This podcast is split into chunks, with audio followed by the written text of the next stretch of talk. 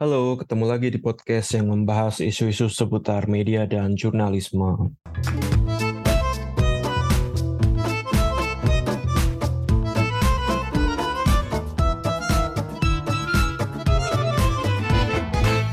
Ketemu lagi di podcast uh, Wisnu Prastia. Uh, buat teman-teman yang selama ini mendengarkan mungkin uh, akan notice kalau beberapa waktu belakangan saya tidak terlalu aktif update podcast ya. Jadi ya seperti yang di episode-episode sebelumnya sering saya sampaikan karena uh, sudah mulai masuk kuliah dan uh, transisi dari kelas online selama pandemi menuju uh, offline lagi itu tuh cukup cukup menyita waktu jadi mohon maaf buat teman-teman yang kemarin juga beberapa menghubungi saya nanya kok uh, belum update lagi kayak gitu. Nah, saya akan coba sebisa mungkin mengupdate se apa namanya? Uh, serutin mungkin kayak gitu. Nah, untuk episode kali ini um, saya ingin sharing tentang uh, apa namanya? acara yang saya ikuti beberapa waktu lalu di Denpasar ya, acara uh, Aliansi Jurnalis Independen Indonesia. Uh, nama acaranya Trusted Media Summit begitu ada banyak uh, akademisi, peneliti, jurnalis, uh, regulator juga uh, di acara tersebut dan uh, saya diminta untuk mengisi salah satu panel diskusi panel yang berjudul apakah masih ada masa depan untuk uh, jurnalisme. Itu sebelum acara diskusi panel didahului dengan diskusi uh, besar gitu terkait dengan uh, apa masih tidak jauh berbeda ya masa depan jurnalisme dan juga cara uh, meningkatkan kepercayaan uh, publik terhadap uh, media, terhadap jurnalisme karena uh, beberapa data terbaru menunjukkan bahwa angka kepercayaan publik terhadap media secara global itu uh, menurun sehingga ini sesuatu yang bisa dibilang cukup uh, membahayakan begitu. Nah, di diskusi panel yang uh, saya diundang sebagai pembicara tadi seperti yang saya sampaikan saya uh, diminta untuk me, apa sharing tentang ada nggak sih kira-kira masa depan untuk jurnalisme gitu.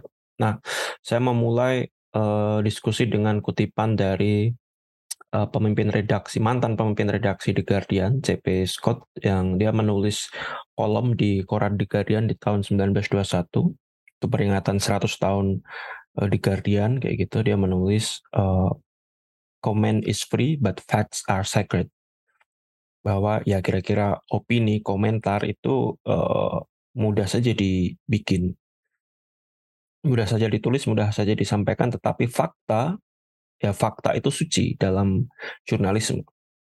Nah ini saya kira kutipan yang kemudian jadi rujukan banyak uh, orang sampai hari ini saya kira, terutama wartawan-wartawan uh, di banyak negara untuk apa namanya, uh, mendiskusikan tentang mendefinisikan tentang jurnalisme yang independen gitu. Jurnalisme yang ya berpihaknya pada kebenaran, pada fakta dan tidak pada apa namanya, berbagai kepentingan yang sifatnya, uh, partisan begitu ya.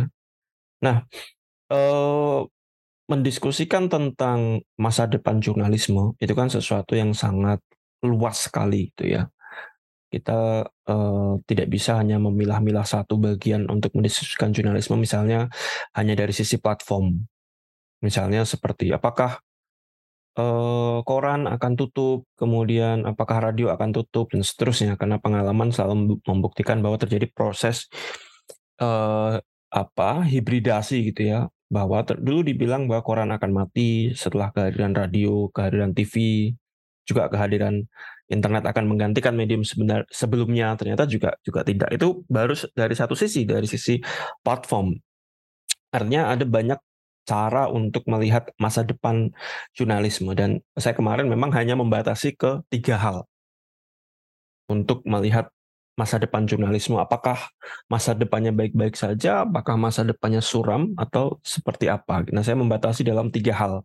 Yang pertama kita bisa melihat dari sisi ekosistem uh, sosial politiknya, kemudian uh, organisasi medianya, yang kedua, ya, yang ketiga kemudian dari sisi audiens. menurut saya tiga hal ini tentu masih ada banyak hal lain ya, tapi dari tiga hal ini yang yang bisa menjadi alat bantu untuk meramal kira-kira ya, uh, seperti apa masa depan jurnalisme, tidak hanya di Indonesia tetapi juga secara global kayak. Nah, yang pertama dari sisi ekosistem, uh, sosial dan politiknya, uh, ini kan menjadi konteks ya, menjadi setting, uh, bagaimana jurnalisme di satu negara, satu wilayah, satu region itu beroperasi. Nah, kalau kita lihat data dari uh, Reporter Without Borders atau RSF ya, uh, di di peringatan apa, World Press Freedom Day tahun 2022, data terkait dengan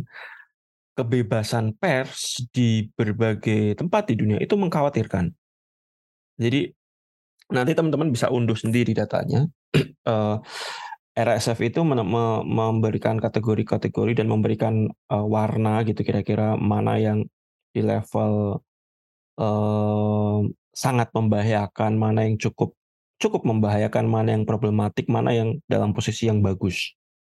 Yang paling membahayakan very serius itu warnanya merah marun, yang paling ba bagus itu warnanya hijau. Nah, uh, nanti teman-teman bisa cek ya uh, di di laporannya itu ternyata ya kondisinya di berbagai benua itu cukup mengkhawatirkan dan dalam situasi yang cukup uh, serius begitu. Nah, yang menarik justru uh, apa namanya situasi yang cukup serius itu banyak terjadi di negara-negara Eropa dan Asia. Di Afrika dan Amerika uh, angka very seriusnya itu cukup cukup menurun gitu. Tetapi misalnya di di negara-negara Eropa yang sesuai kategori di RSF berwarna hijau gitu, ternyata ada juga uh, apa namanya yang situasi uh, jurnalisnya dalam kondisi yang membahayakan. Misalnya di laporan RSF seperti menyebutkan uh, di Belanda, di Belanda itu uh, setting politiknya memungkinkan ada kebebasan pers, regulasinya, legal frameworknya memungkinkan ada kebebasan pers, artinya jurnalis dilindungi.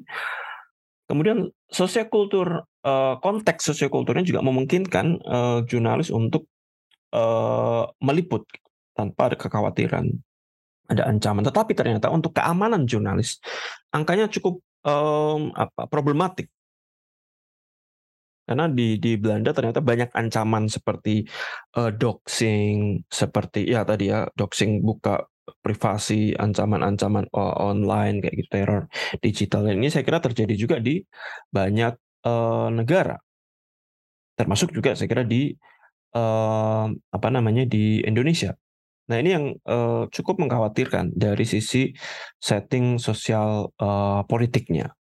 Belum lagi kalau kita melihat gejala beberapa satu, uh, satu dekade belakangan gitu ya, uh, apa, uh, tren misinformasi global uh, tren uh, bagaimana uh, populisme politik digunakan oleh uh, para pemimpin uh, political leaders untuk uh, merepresi kebebasan pers termasuk tadi ya atau uh, apa teror-teror digital atau beberapa pakar menyebutnya sebagai otoritarianisme digital. Gitu. Nah itu dari uh, sisi setting sosial politiknya kita uh, akan membantu kita untuk melihat dari sini sepertinya um, masa masa depan jurnalisme itu dalam ancaman.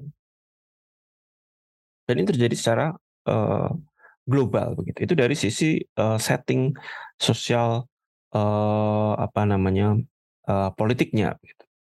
Nah, kemudian dari sisi organisasi media, lebih khusus terkait dengan bagaimana transisi atau transformasi digital yang dilakukan oleh, uh, organisasi, uh, media. Setidaknya ada empat hal yang bisa kita lihat untuk uh, membaca masa depan dari sisi organisasi media.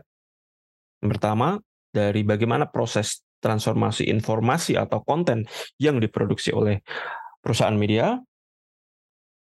Artinya apakah ada bentuk-bentuk adaptasi perubahan informasi yang disajikan, konten yang diproduksi gitu. Yang yang pertama, yang kedua, bagaimana audiens juga uh, berubah Apakah ada perubahan? Kalau ada perubahan, seperti apa pola konsumsi audiens terhadap media? Apakah cara audiens mengakses, mengkonsumsi berita hari ini masih sama dengan cara audiens mengkonsumsi berita katakanlah 10 tahun yang lalu, 20 tahun yang lalu, kalau ada perbedaan, sejauh apa perbedaannya? Nah, itu yang coba saya tekankan. Lalu terkait juga yang ketiga, metode atau praktik eh, jurnalistik. Karakter uh, era digital ini kan memungkinkan apa namanya proses adaptasi terhadap metode atau praktik pengumpulan uh, informasi di lapangan kayak gitu.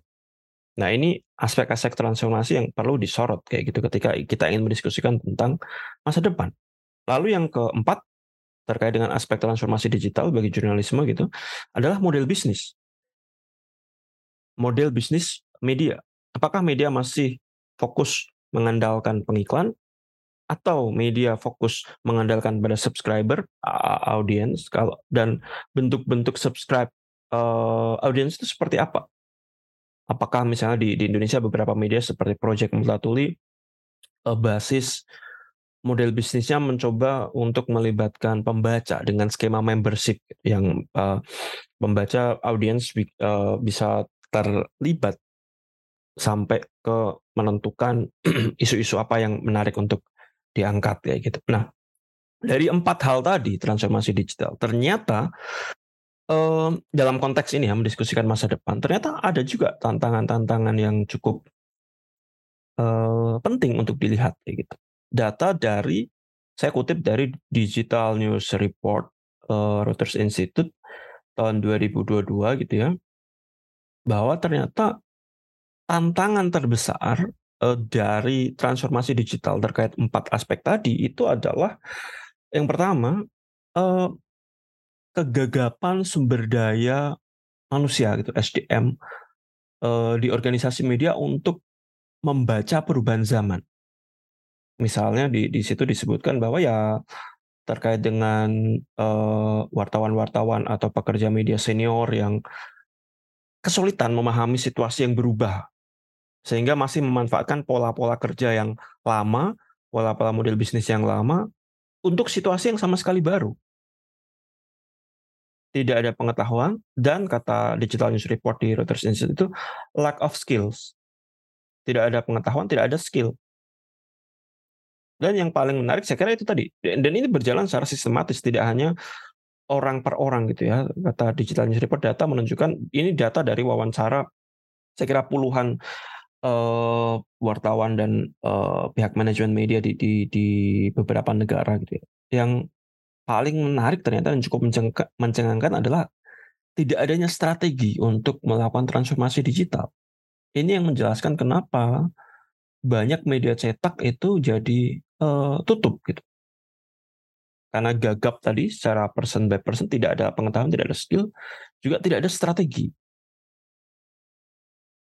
Dan ini diakui oleh banyak wartawan yang di, disurvei, diwawancara oleh Reuters Institute. Ya. Itu dari sisi tantangan terkait transformasi digital yang dihadapi oleh wartawannya sendiri. Dari sisi organisasi medianya sendiri. Gitu.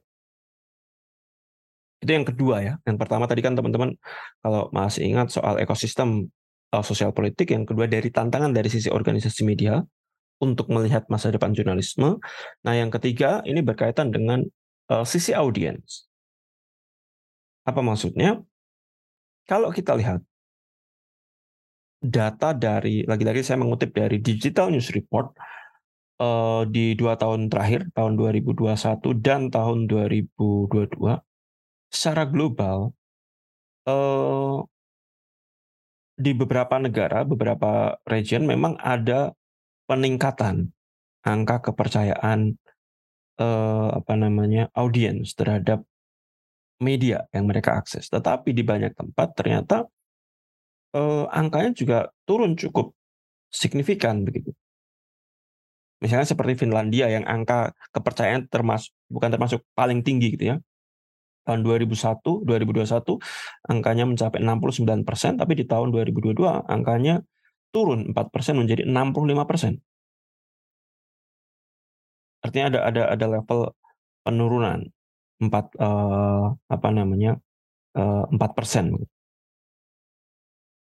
Nah itu yang yang, uh, penting untuk apa, diperhatikan. Termasuk kalau di negara-negara tetangga juga uh, tidak jauh apa tidak jauh berbeda gitu ya misalnya seperti di Filipina dari 37% menjadi uh, 32% kayak itu di Thailand dari 53% menjadi 50%. Nah, di Indonesia angkanya stagnan sama tetap 39% dari uh, tahun 2021 ke 2022.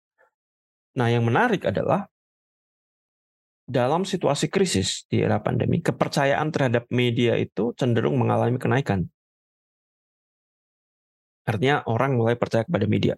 Orang mengakses media-media lokal untuk uh, mendapatkan berita-berita terupdate mengenai pandemi. Namun, kepercayaan media ini uh, terhadap media ini mengalami paradoks. Orang mau mengakses media tapi mau tidak mau membayar, tidak mau berlangganan. Artinya mau mencari yang gratisan saja. Ini kan paradoks gitu ya. Artinya kepercayaan orang sebenarnya percaya tapi tidak mau berlangganan. Padahal mestinya itu bisa dikonversi.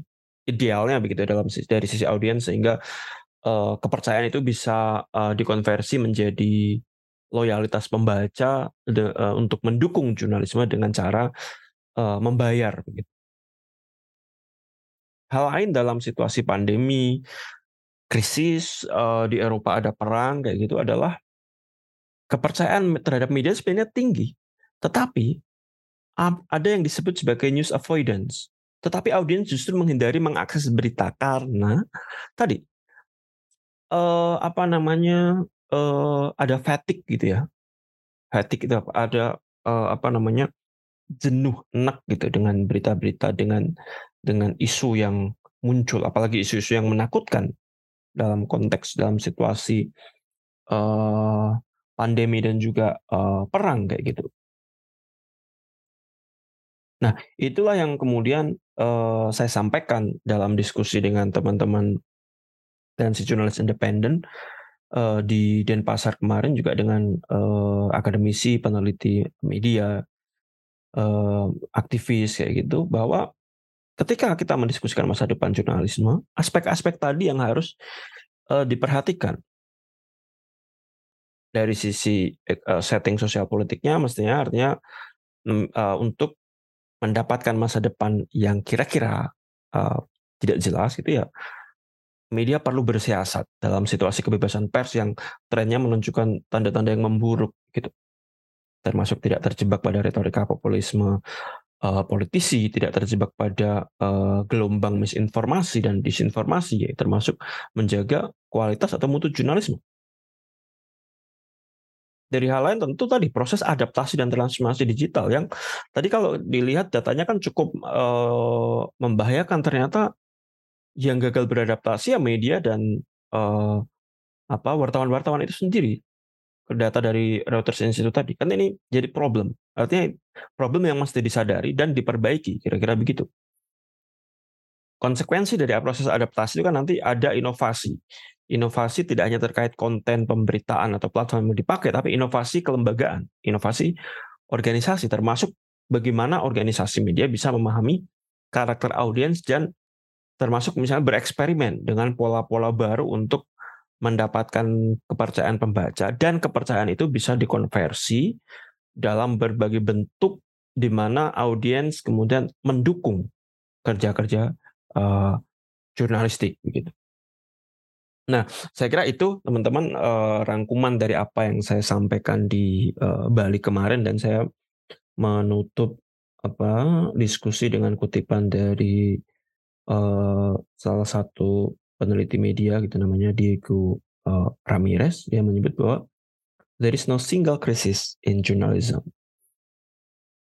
Journalism is an industry that faces several crises on several fronts nggak ada krisis tunggal ya dalam jurnalisme ya. Karena ini adalah industri yang menghadapi krisis dari berbagai sisi. Artinya untuk mendiskusikan masa depan kita harus mau mengkonfrontir uh, apa namanya berbagai sisi ini sehingga kita bisa menemukan solusi yang sifatnya tidak parsial begitu, tidak sektoral tapi harus komprehensif ya gitu. Nah, ya itu Uh, saya kira itu ya teman-teman memang, uh, sifatnya hanya pemantik untuk, uh, diskusi, uh, lebih jauh gitu. uh, saya cukupkan di sini untuk, uh, episode, uh, kali ini. Kalau teman-teman ada saran, kritik, masukan, ide, tema yang, uh, bisa saya angkat, uh, silahkan mention atau DM saya di @wisnu_prastia di Twitter atau di Instagram. Uh, terima kasih atas, uh, perhatiannya buat teman-teman yang udah dengerin, tetap jaga kesehatan meskipun pandemi mulai menurun, tapi pandemi belum, uh, uh, berlalu. Kita ketemu lagi di episode-episode selanjutnya. Ciao.